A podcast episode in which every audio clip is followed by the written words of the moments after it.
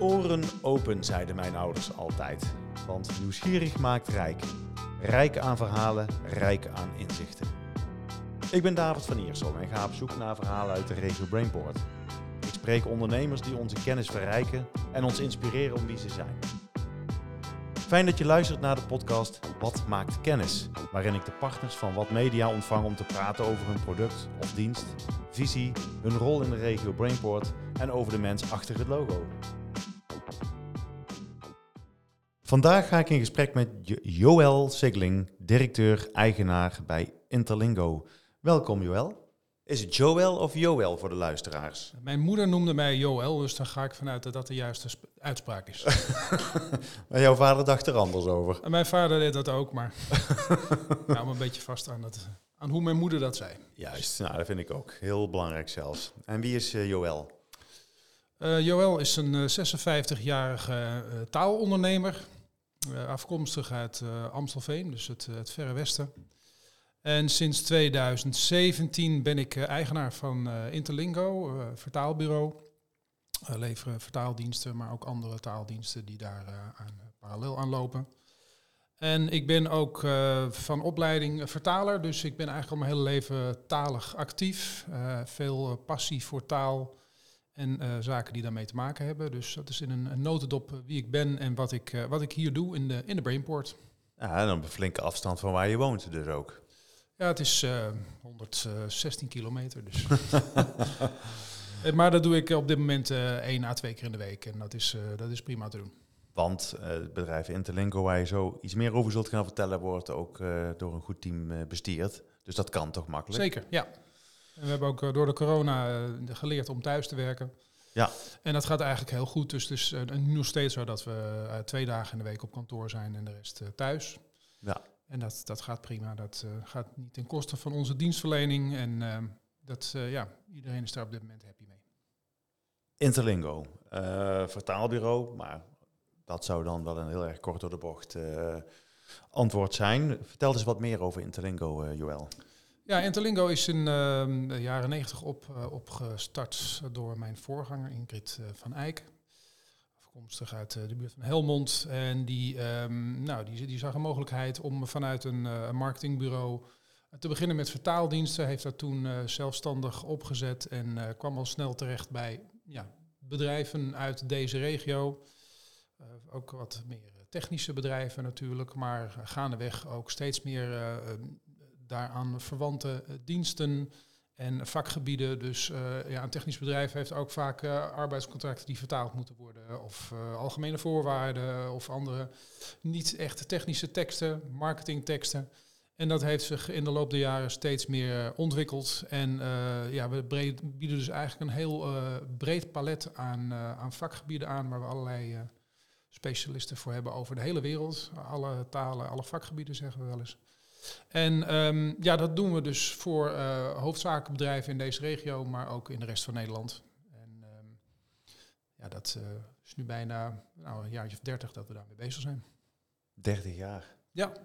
Ja. Ja. Maar het veld verandert wel heel erg. Want als je naar deze regio kijkt, dan eh, kunnen we wel vaststellen dat de Brainport-regio toch wel heel veel meer nieuwe behoeftes voor jullie heeft aangeboord.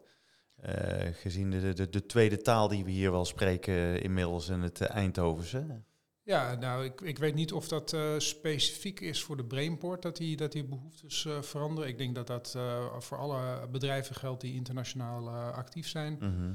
Of die in ieder geval een doelgroep hebben die naast de eigen taal ook nog een andere taal spreekt. En een doelgroep die da- daardoor bereikt moet worden. En je merkt gewoon dat de opkomst van de technologie een, eh, een hele sterke rol speelt in de afgelopen 20 jaar in ons vakgebied. 25 jaar. Het is begonnen met eh, technologie waarbij je eh, eigenlijk vertalingen opslaat in een soort van intelligente database. Dat heet een eh, vertaalgeheugen. En ehm, zin voor zin sla je vertalingen op. En als je een nieuwe tekst krijgt, dan kijk je of er dingen kunnen worden hergebruikt. En daarmee bespaar je tijd en geld. Dat was de eerste grote belangrijke efficiëntieslag. En eh, natuurlijk sinds 2007 heb je Google Translate als bekende eh, ja, ver- vertaal-engine, dus eh, ja, robotvertalen. Ehm, en dat uh, heeft de afgelopen jaren ook een, een, hoge vlucht genomen, waardoor de kwaliteit uh, sterk is verbeterd. Mhm. En uh, ja, mensen kennen dat, gebruiken dat en zien vaak ook dat het niet het resultaat oplevert dat ze nodig hebben. Voor sommige doeleinden wel, maar vaak als je een professionele indruk wilt maken met je vertaling, uh, als het een bepaald commercieel doel heeft, dan uh, heb je toch meer nodig dan die pure machinevertaling. En dan komen wij om de hoek kijken met onze professionele menselijke vertaaldiensten. Ja, want dat is wezenlijk anders dan Google Translate, toch? Nou, het is, ja, mensen denken altijd van het is of het een of het ander. Het is tegenwoordig steeds meer een, een, een verzameling van bronnen die je gebruikt. Dus die vertaalgeheugens, dat is eigenlijk de eerste stap die je gebruikt. Nou, wat ik wat ik in het verleden al heb vertaald, dat wil ik hergebruiken. Dus dat kan daarmee. En de volgende stap is dat nieuwe teksten uh, vaak of steeds meer worden vertaald met een vertaalengine. En dan de laatste stap is dat de menselijke vertaler eigenlijk de, de, de input vanuit die bronnen gaat corrigeren, gaat verbeteren. Uh, of uh, dingen helemaal uh, vanaf scratch vertaald als, als beide bronnen niet, niet goed genoeg zijn. Dus het wordt steeds meer een soort van ja, het samenvoegen van verschillende bronnen, waarbij de, de menselijke factor een heel belangrijke rol speelt om te zorgen dat de, de kwaliteit uiteindelijk ja, datgene is wat je klant vraagt. En jullie niet alleen maar in Engels, weten nee, nee, nee, zeker niet. Nee, we zitten met meer 150 uh, doeltalen eh, waar we naar vertalen. Mhm. En wat ik zei, we hebben ook mensen over de hele wereld zitten. Dus van, uh, van Australië tot Canada en van Japan tot Brazilië. dus het zijn altijd native speakers, mensen die de doeltaal als moedertaal hebben, ja. die de vertalingen doen. En het zijn ook altijd specialisten in, in het vakgebied. Hoe, hoe is dat eigenlijk ooit opgezet? Ik bedoel, dat netwerk over de hele wereld, die heb ja. je nodig. Eigenlijk vanzelfsprekend zou je zeggen. Dus je geeft er eigenlijk een soort logische antwoord aan. Uh, zo van ja, uh, van Australië tot uh, nou, waar dan ja. ook. Um, maar hoe leg je contact met die mensen? Want je moet ook de kwaliteit hebben die Interlingo voorstaat. Zeker. Nou, wat, het, de, het is eigenlijk een combinatie van zelfzoeken. En daarbij ga je op zoek in ja, speciale bestanden van, van vertalers. de allerbelangrijkste eerste stap is eigenlijk analyse van het cv van de vertaler. Uh, als dat goed is en het is betrouwbaar, er is natuurlijk ook heel veel uh, scams tegenwoordig. Er zijn ook speciale websites voor om te checken of iemand niet uh, een, een, scammer is. Oh, een, een, ja. een nep-vertaler die probeert jou geld afhandig te maken door een vertaling voor jou te doen en meteen te laten betalen. En dat achteraf blijkt dat de persoon de taal helemaal niet eens kent. dus dat, dat speelt ook, maar de, die filteren we er gelukkig altijd uit. En uh, de nieuwe vertalers, die uh, onderwerp je aan een proefvertaling en uh, laat je controleren door een van je vaste vertalers. Als dat goed is, dan de eerste paar keer dat iemand een vertaling voor je doet, controleer je dat nog eens extra.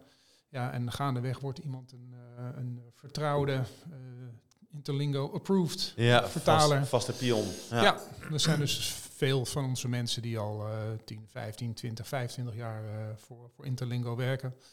Ja, en op een gegeven moment weet je wel wat voor uh, vlees je in de kuip hebt. En uh, zijn dat mensen die je gewoon zonder, zonder zorg kunt inzetten. Nou, dat is een stevig netwerk dan zo.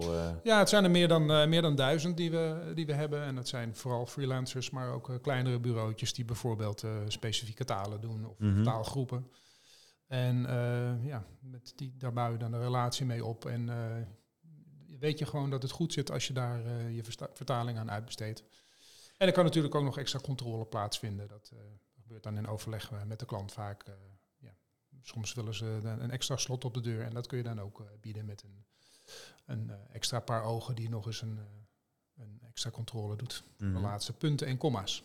Ja, Ja. maar het, het kloppende hart van Interlingo, dat, dat vindt hier in, in Eindhoven plaats. dat stuurt dat netwerk als het ware aan. Hoe, Ja. hoe gaat dat in zijn werk? Nou, we hebben hier uh, onze projectmanagers zitten die uh, allemaal een, een, een, taalachtergrond hebben, of een HBO-opleiding en uh, affiniteit met taal. En, maar daarnaast vooral heel gestructureerd en georganiseerd kunnen werken. Dus de aanvragen komen binnen van onze klanten, vaak via e-mail, soms via onze eigen portal. Mhm. En um, zij gaan dan kijken, oké, okay, wat voor soort tekst is het? Welke, welke talen moet het naar vertaald worden? Wat is het onderwerp? En dan zoeken ze daar de, de, juiste vertalers bij, die benaderen ze. Ze zetten het werk uit, het komt terug, het wordt gecontroleerd. En dan eh, kan het daarna weer door naar de klant. Dus ze zijn eigenlijk echt een spin in het web. En we zorgen ervoor dat de relatie eh, tussen de vertaler en de, en de klant ehm, ja, goed verloopt. En het, en het wordt dan afgerekend per woord. Meestal per woord. Eh, we zijn wel bezig om ook meer over te gaan naar een, een urenmodel. En dat komt eigenlijk omdat, eh, ja, laten we zeggen, 25 jaar geleden was iedere woord dat werd vertaald, gebeurde op dezelfde manier. En was een woord dus een heel eh, ja, accurate manier om de inspanning te meten. Ehm, nu is het zo dat eh, als ik een marketingtekst vertaal, dan vertaal ik misschien eh 100, 200 woorden per uur. Dat is vaak heel creatief, moet je erg lang over nadenken. Als ik een technische handleiding doe, daarbij kan ik gebruik maken van de vertaalgeheugens, eventueel van, eh, van een vertaalmachine. dan gaat dat veel sneller. Dan doe je misschien wel eh 3, 4, 500 woorden per uur. Dus dan heb je dat, datzelfde woord, eh, kan of heel snel of heel langzaam vertaald worden. En dan is het dus eigenlijk geen accurate manier meer Nee, om, om de inspanning aan af te meten. Dan gaat het niet meer om de volume. Ja, dus dan, eh, dan doe je ze over, oké, voor, voor dat soort teksten doen, we onze woordprijs omlaag. Of, of we maken hem juist hoger, omdat er meer inspanning voor nodig is. Maar wat, we- wat we nu eh, proberen is, is eh, kijken of we er gewoon niet het aantal uren dat een vertaler daadwerkelijk bezig is, om dat in rekening te brengen. En ehm, ja, bijvoorbeeld bij een van onze allergrootste klanten zijn we vorig jaar overgestapt op, op dat model. En nou, dat heeft ze inmiddels ook al een eh, behoorlijke besparing eh, opgeleverd. Eh, en het is gewoon duidelijker eh, naar iedereen toe van ja, dit is de inspanning en dat betaal je ervoor. Mhm. Dus dat, dat is wel een, Goed dat je een kijkt. vrij nieuwe ontwikkeling. Dat, Ja. dat, dat, dat speelt al een paar jaar om dat verdienmodel aan te passen of het, het, het, het, ja, het berekenmodel aan te passen. Dat is wel heel moeilijk, want het zit heel erg ingebakken in, in onze business. Vertalers werken ermee en de klanten zijn daaraan gewend. Dus als ze prijzen gaan vergelijken, en de ene komt met de uren en de alle andere komen met woorden, dan Ja, dat is natuurlijk moeilijk om dan een nieuwe aanpak eh, Ja. te omarmen. Dus ehm, ja, dat, dat, is, dat doen we in, echt in overleg met de klant. En, en, en dan eh, berekeningen maken van, eh, joh, stel nou dat we overgaan naar dit model. Op basis van de afgelopen tijd zou je dit, dit zoveel kunnen besparen of niet. Ja, kla- grote klanten hebben hetzelfde berekening gedaan en bleek dat het woordmodel goedkoper was. Dus ja, dus ehm, is een beetje aftasten en, en, en goed, goed analyseren hoe de, hoe de data liggen. juist. Ehm, in wat magazine staan jullie met Translate, Communicate en Connect? Ja. Nou, eigenlijk een hele krachtige boodschap voor datgene wat jullie doen. Het, ja, dat is eh, eigenlijk een goede samenvatting eh, ja. van wat we doen. Ja. Is dat ook meteen de, de kortste pitch die je ook van jezelf kan geven, eigenlijk zo daarmee, of niet? Ja, ik denk dat het eh, dat de kernelementen zijn. Je hebt een, een, een stuk tekst wat door iemand niet wordt begrepen. Dus moet je het vertalen. En eh, de vertaling op zich is, eh, is één stap. Maar die, die vertaling dient om te, te communiceren. En het communiceren dient om de verbinding te maken met, met iemand Ja. in, een, in een ander taalgebied. Dus dat, ja, je bevordert de internationale communicatie en, en de, dat je elkaar begrijpt. Dat je met elkaar eh, verbindingen kunt maken. Dus dat is, dat is wel heel erg eh, kernachtig eh, gesteld wat wij, wat wij doen en wat wij bijdragen aan, ehm, ja, aan, aan de klanten die wij, die wij bedienen. Ja, en die klanten die, die, die zijn eigenlijk niet alleen maar vanuit deze regio, maar ook landelijk. Zeker, ja. En, maar de ambitie is groot, geloof ik, hè, als het gaat om positie in te nemen in de markt als vertaalbureau. Nou ja, we willen, willen heel graag, eh, dat, dat zijn we eigenlijk al, het, grootste vertaalbureau van Brabant zijn, eigenlijk het grootste van, van, eh, van Zuid-Nederland. En ehm, laten we zeggen in particuliere handen, want er zijn een paar vertaalbureaus die inmiddels eh, zijn overgenomen door eh, veel grotere internationale spelers. Eh, daar eh, willen we ons niet mee eh, meten of vergelijken, want we, ik denk dat onze dienstverlening ook heel erg gebaseerd is op een, eh, een goede relatie met de klant. eh, vertrouwde personen. eh, niet dat je iedere keer weer een andere projectmanager hebt, maar vaste contactpersonen. Een, eh, een, een goede band eh, onderhouden met, eh, met je klant. En eh, zorgen dat hij eh, ja, de dienst en het product krijgt eh, waar hij op zit te wachten voor een, eh, voor een goede prijs. Nou, is Interlinko schaalbaar? Dat je kan zeggen van nou, we zouden ook nog een vestiging in, eh, weet ik veel, Utrecht en eh, Ja. Groningen kunnen doen bijvoorbeeld. Ja, dat is, dat, dat, dat is geen enkel probleem. We zouden ook eh, prima naar het buitenland kunnen gaan. Buitenland, ja. Ehm, alleen de, de concurrentie is, is in ons vakgebied, nou, gerust, kun je geruststellen, moordend. En dus waarin wij ons vooral onderscheiden op dit moment is dat wij een, een, een, lokale, regionale speler zijn. Ehm, die ja, de band met mensen uit deze regio hoog in het vaandel voert. En we merken ook echt wel dat, dat, dat ons dat voordeel oplevert. Dat mensen het fijn vinden om met een partij uit de regio te werken en niet met een grote landelijke speler of een bureau uit, uit Amsterdam of, of nog gekker. Dus dat, ja, we, we, hebben wel het idee dat dat ons, onze kracht is. En dat, dat willen we toch wel graag vasthouden. Zij de man die uit Amstelveen komt. Ja, dat is het, het gekke. dat ik hier ben inkomen vliegen vanuit het, het Westen en al snel het gevoel had dat ik hier erg op mijn plek was. Ja, wat, wat, wat kun je erover zeggen eigenlijk? Want jij bent buitenstaander, om het zo maar te zeggen, vanuit het Brabantse. Um, hoe kijk je naar deze regio? Ja, eh, weet je, als je, als je in, de, in de Randstad zit, met name in, in Amsterdam, dan, uh, dan hebben ze daar altijd erg het gevoel dat ze het, het centrum van de wereld zijn, of in ieder geval van, uh, van Nederland. Ja. Op sommige vlakken is dat ook zo, op vlak van financiën, dienstverlening, dat soort zaken. Maar als je kijkt naar eh, technologie, wat een heel belangrijke sector is in, in, in onze economie, dan is Eindhoven juist gewoon duidelijk de voornaamste speler. De Brainport is gewoon cruciaal voor, voor de technologische economie van Nederland. En ik vind dat fantastisch wat er hier gebeurt, ook met, met de samenwerking tussen de verschillende onderdelen, onderwijs, ondernemingen, burgers, overheid. Dat is hier uh, fantastisch geregeld met alle netwerken. De manier waarop mensen zaken uitwisselen en bereid zijn om elkaar te helpen. Dat is, uh, ja, vind ik uh, geweldig. En, en, een voorbeeld voor hoe het in de rest van Nederland ook eigenlijk zou moeten en kunnen. Mm -hmm. Dus ja, dat, dat eigenlijk. En wat zouden wij kunnen leren van, van boven de rivier als, eh, als Brabanders? Nou, misschien wel een stukje zelfvertrouwen. wat, wat meer jezelf op de borst slaan. Het, ehm, ja, wat, je, wat, wat hier is bereikt in Brainport, eigenlijk denk begin, sinds de, begin deze eeuw, hè, met het bijna ineenstorten van Philips en daarop volgend ja, de versplintering en allerlei nieuwe bedrijven die daar zijn ontstaan daar moet je gewoon ontzettend trots op zijn. En, mm en ook, uh, ook internationaal uh, best wel wat meer op de trom mogen slaan. Dat gebeurt ook wel, maar ik denk dat dat, dat, dat ehm, ook naar de rest van Nederland toe, dat het de verhaal nog wel sterker verteld mag worden. Ja, ja, dat is een veel gehoord argument. Maar ja, goed, jij maakt het ook echt mee. Je, je, Absoluut, kan het, ja. je, je kan het bevestigen. En ik, ik, ik verspreid dat evangelie ook in mijn, in mijn eigen kring in, in de regio Amsterdam. Ja, dat, dat verhaal wordt nog, bereikt nog niet iedereen, maar dat, iedereen die mij hoort, die, die zal het in ieder geval weten. Nou, na deze podcast dan, ja. hè, dan nou. Miljoenen luisteraars zullen Juist. dat ongetwijfeld tot zich Juist. Um, maar goed, um, we kunnen Interlingo niet voorbij laten gaan zonder dat het daar om mensen gaat. Ja. Want je organisatie bestaat uit een team van mooie mensen. Um, hoe ben je bezig geweest met het samenstellen van die mensen? Niet alleen op basis van uh, kennis en kunde, maar ook op basis van generaties bijvoorbeeld. Ja. Want je moet ook de toekomst in. Ja, dus ik heb altijd uh, gemikt op, op jonge mensen.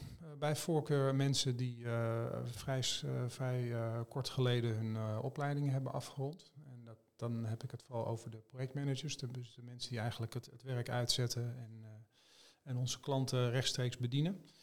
Omdat ik uh, vind dat, het een, een uh, dat er een bepaalde um, ja, uh, onbekendheid met het vak, dat dat heel erg helpt om het goed geleerd te krijgen. Dus als ik een, een ervaren projectmanager van een ander bedrijf neem, dan is de kans groot dat hij zijn eigen gewoontes meeneemt. En ik, ik heb liever dat iemand het van nul af aan leert zoals wij het hier doen met onze klantgerichtheid en onze processen. En dat werkt eigenlijk uh, tot nog toe heel goed. Ik heb een, een, operationeel directeur die zelf projectmanager is geweest en die ervoor zorgt dat die, cultuur ehm, behouden blijft en dat de mensen ja, worden gevormd naar, naar ons model. En ja, ik vind dat dat, dat dat goed uitpakt. Maar ons model um, kan over tien jaar misschien wel, nou ja, eh, de houdbaarheidsdatum hebben gehaald. De nieuwe generatie denkt vaak anders over hoe de, de week ingedeeld moet worden of van waaruit ja. dat gedaan wordt. Uh, heb je daar ook over nagedacht? Nou, dat is uh, wat we nu met corona hebben gemerkt, is dat we dus niet meer vast hoeven te houden aan altijd hier op kantoor. Mm -hmm. ik, ik, heb nu een, een van mijn projectmanagers, die, die is zwanger, die gaat binnenkort met zwangerschapsverlof en komt dan terug en gaat dan minder werken. Um, nou, dat op zich, vroeger had ik misschien gedacht van, nou, dat, dat wil ik liever niet, maar ik heb nu echt wel het idee van, ja als mensen wat flexibeler hun werk kunnen indelen en daardoor hun werk goed doen en hun werkgeluk vinden, is dat wat mij betreft prima. Uh, de, de, systemen zijn er om gewoon werk te kunnen overdragen uh, zonder dat er iets verloren gaat. Als mensen dat gewoon goed met elkaar communiceren, dan, dan heb je gewoon een permanente dekking. En blijf je de dienstverlening naar je klant toe gewoon optimaal garanderen. Dus mm ik, ik heb daar geen moeite mee om, uh, om de trend richting meer eh, flexibiliteit en meer thuiswerken en zo. Dat vind ik uh, allemaal prima. En als ik daar uh, mensen mee aan ons kan binden, prima. Dat is, nou, ik, ik breng in deze, deze reeks podcast van Wat maakt kennis, leg ik een stelling neer. En dat is een uitspraak van een andere partner van, van Wat Media. En dat is um, Rick Scholten van Sorama. Ja buurman. Jou wel uh, bekend. Uh, en die had het uh, onlangs over dat er nagedacht zou kunnen worden over een zevendaagse werkweek. En niet per se om alle zeven dagen te moeten werken, maar dat je de, de mensen de vrijheid geeft om de zeven dagen te benutten om het werk wat je moet doen in vorm te geven. Is dat voor jou zinvol of is het utopisch? Het zou voor mij zeker, het is niet wat ik bij voorhand afwijs, dus het is zou absoluut mogelijk zijn. Alleen bij ons uh, is het zo dat het werk heel erg daggebonden is. Dus ja, ja. Uh, je moet, uh, als er iets binnenkomt, direct daarop reageren. vaak moet het dezelfde dag of de dag daarna klaar zijn. Dus de, de relatie tussen de werktijden van ons en die van onze klanten is heel erg sterk. En ehm, ja, dus zeven dagen in de week zou voor mij prima zijn als mijn klanten ook zeven dagen in de week werken, maar dat is niet zo. Nee, dat is niet zo, nee. Uh, Dus nee, dat, dat is voor ons, in onze situatie is dat niet, ik zou dat geen utopie noemen, maar het is gewoon niet, uh, niet reëel. het is bijna niet aan de orde. Nee, dat, zullen, dat zal op één hand te tellen zijn. Je hebt natuurlijk wel eens een, een, dat er iemand op vrijdagmiddag belt van joh, we hebben een spoedopdracht, die moet maandagochtend klaar zijn. Goed, dan, uh, dan besteed je dat uit. En eigenlijk wordt het werk dan met name door de, de vertalers gedaan die ja. extern werken. Maar dan kan het wel zijn dat iemand een keer op zondagavond een, een, een vertaling moet leveren. Maar dat, uh, dat komt niet zo heel veel voor. Er zijn, uh, wat, in onze branche. Wat zou je kunnen zeggen over um, jouzelf als ondernemer? Hoe omschrijf je jezelf? Ja, wie ben je als, als ondernemer? Hoe mag je jezelf wegzetten? Um, nou, ik denk dat ik een, iemand ben die uh, niet wordt gedreven door uh, tomeloze ambitie. Dus ik ben niet iemand die het onderste uit de kan wil halen wat mijn bedrijf betreft. Ik hoef niet de, de grootste van de wereld te worden en honderden miljoenen euro's te verdienen. Um, dat uh, ik, ik ben iemand die wel tot balans zoekt tussen het privéleven en, en het werk. En dat ook uh, overdraagt op, uh, op mijn mensen. Dus ik, bij ons werk je gewoon goed door, maar ik, ik ben zeker geen slavendrijver die mensen tot het uiterste drijft en het onderste uit, nee. uit mijn mensen haalt. dus er is een, een bepaalde rust zonder dat uh, we daar in onze dienstverlening uh, mak in worden of, of slap of wat dan ook. Um, maar iedereen um, ja, moet voor mij een, een, goede balans hebben tussen, tussen zijn privé en, en, en zijn werk. Mm -hmm. En um, ja, ik denk dat dat mij wel, wel kenmerkt dat ik de, de, de mens heel belangrijk vind binnen Precies. het bedrijf. Zowel mijzelf als de mensen die voor mij werken. Ja, en, en, en uh, dat is een mooi bruggetje naar het volgende thema. Dat is, uh, wat voor een bijdrage leveren jullie aan maatschappelijke thema's? Ja, we hebben uh, bij ons is, is duurzaamheid heel belangrijk. Nou, daar kwam misschien zo nog even over te spreken. Een andere tak van sport waar ik tegenwoordig mee bezig ben. Maar dat heb ik vanuit, ja. vanuit Interlingo ook. bijvoorbeeld bedrijven die aantoonbaar duurzaam bezig zijn, krijgen bij ons een standaard een korting van 10%. Um, en uh, wij, um, ja, wij rijden met uh, de bedrijfsauto's zijn elektrische auto's. We hebben specifiek hier uh, dit pand uitgekozen, ook omdat het een hele duurzaam pand is.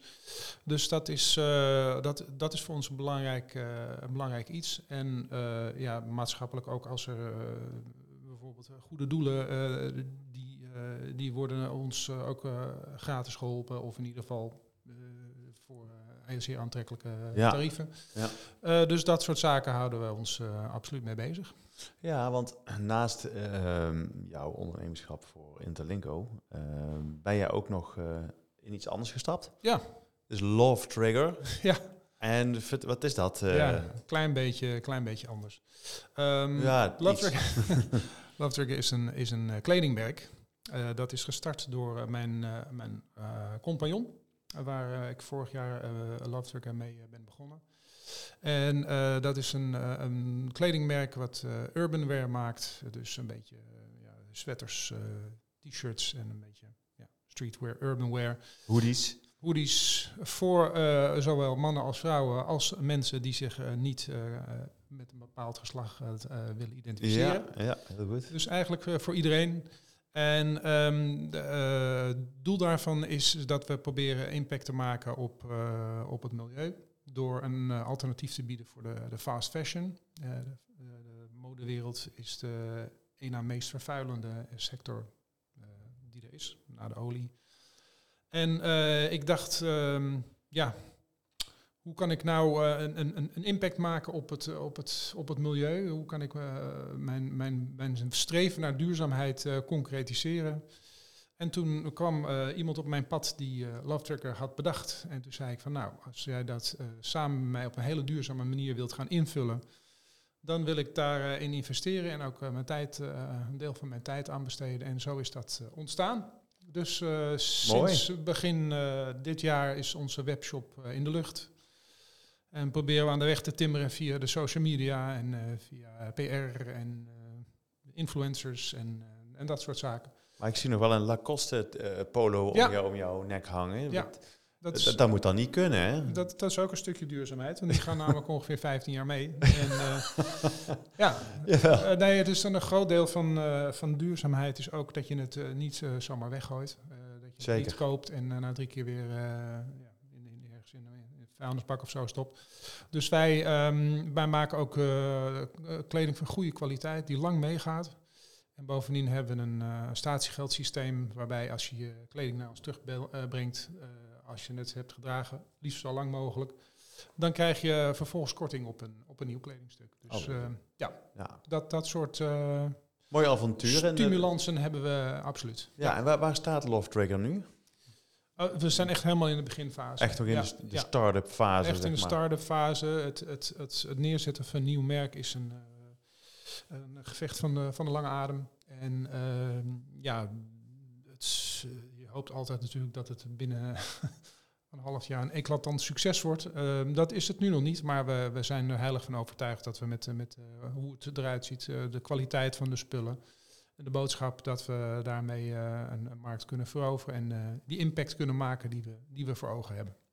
Nice. Ja. Mooi dat je dat ernaast doet. Geeft ook verfrissing, denk ik, in, Zeker, ja. in, de, in, de, werkzaamheden van Interlingo.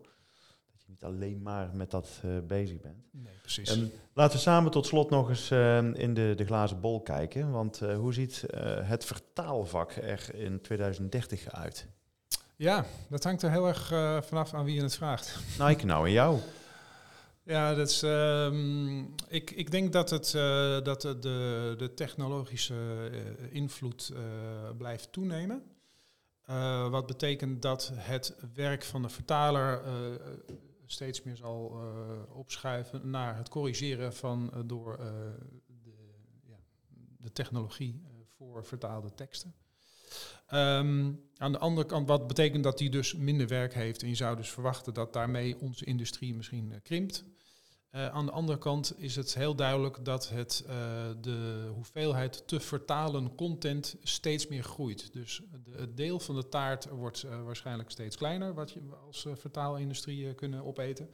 Maar de taart wordt steeds groter. Dus ik heb de vaste overtuiging dat de vertaalindustrie blijft groeien. Dat blijft ook uit alle voorspellingen. Um, maar dat je, ja, dus je moet je echt bezighouden met de technologie en, en wat, eh, hoe je daar je processen op, uh, op inricht. anders dan sta je denk ik binnenkort wel buitenspel. En ik denk dat in 2030 dat we dus nog iets verder zijn dan nu, dat er ook bijvoorbeeld het automatisch vertalen van, van gesproken taal, hè, dus mm automatic in interpreting, dat dat, uh, dat, dat uh, steeds groter wordt en uh, de technologie is steeds verfijnder, maar dat altijd de rol van de mens nodig blijft om de nuances goed over te brengen. Dus dat um, ja, onze sector nog wel in leven blijft. Het vak blijft nog wel in leven, maar zal wel veranderen. En zeker in Telingo die uh, dan gewoon nog vol meedoet. Ja, we blijven meegaan. Uh, bedoel, we hebben sowieso al uh, oplossingen om back-end systemen te vertalen met, met, met API-koppelingen. En we vertalen audio, video en voice-overs. Dus de hele, hele gamma van, van gesproken en geschreven content. ja, dat, dat ja. Dankjewel Joël voor jouw bijdrage. Nou, heel graag gedaan David. Podcast. Tot zover deze aflevering van Wat maakt kennis. Dank voor het luisteren. Blijf ons volgen op LinkedIn en Instagram en deel vooral je luisterervaring, zodat ook jij anderen inspireert.